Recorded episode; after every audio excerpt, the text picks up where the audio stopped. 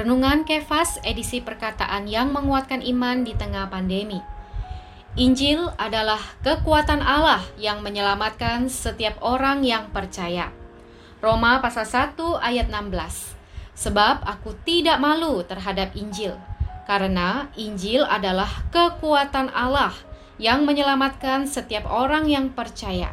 Pertama-tama orang Yahudi, tetapi juga orang Yunani. Dalam Roma pasal 1 ayat 16, Paulus berkata bahwa dia tidak malu terhadap Injil. Iblis ingin orang-orang percaya menjadi malu berbicara kepada orang mengenai Tuhan Yesus. Apakah mereka memberitakan Injil kepada teman sekelas atau mengenakan rompi Injil? Mereka harus dengan sederhana berkata, "Enyahlah engkau iblis, berhenti menggangguku." Kita perlu suatu resolusi kuat untuk tidak malu terhadap Injil. Injil adalah kekuatan Allah yang menyelamatkan setiap orang yang percaya. Amin. Ketika kita memberitakan Injil kepada orang, kita tidak perlu berbicara panjang lebar. Terkadang semakin panjang kita berbicara, semakin kita mematikan pekerjaan Roh Kudus dan semakin lemah iman seseorang. Ini bukan berarti kita tidak mengatakan apa-apa tapi kita harus tinggal di bawah pengaturan Roh Kudus. Ketika kita berbicara, kita perlu menjadi orang yang mempersembahkan diri, yang berdoa dengan tepat, dan bekerja bersama dengan Allah. Amin. Jika kita adalah orang yang demikian, ketika kita berkontak dengan orang, Allah akan berbicara di dalam pembicaraan kita. Ketika kita berbicara kepada orang, kita bukan saja memberikan pengetahuan kita tentang filsafat, ilmiah atau doktrin Alkitabiah. Semuanya itu hanya akan membuat orang di dalam pikiran mereka saja. Mereka tidak dapat menjamah roh orang.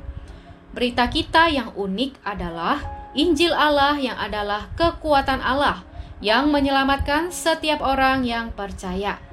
Puji Tuhan, setiap perkataan yang kita utarakan harus mendemonstrasikan bahwa Injil itu adalah kekuatan Allah. Ini adalah iman yang harus kita miliki. Perlu siap sedia baik atau tidak baik waktunya. Beberapa kaum saleh sudah pensiun, maka mereka dapat memberitakan Injil kepada tetangga mereka setiap hari. Kita tidak perlu untuk meninggalkan gedung rumah tempat tinggal kita. Selama kita punya waktu, kita dapat mengetuk pintu setiap hari. Dan lama-kelamaan para tetangga akan tahu bahwa kita adalah tetangga mereka dan mereka akan menyambut kita. Ketika orang membuka pintu mereka bagi kita, kita harus memberitakan Tuhan Yesus kepada mereka. Tuhan Yesus harus selalu menjadi topik kita. Hari ini ikan begitu banyak, jadi kita tidak hanya memancing ikan dengan satu alat pancing, namun juga dengan jala.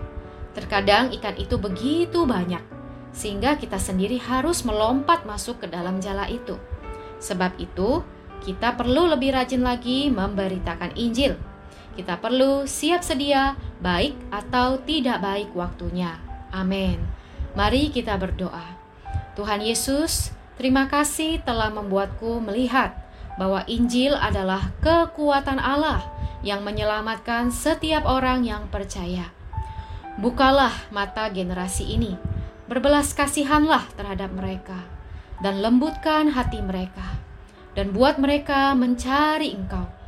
Tuhan Yesus, taruhkan beban Injil di dalamku.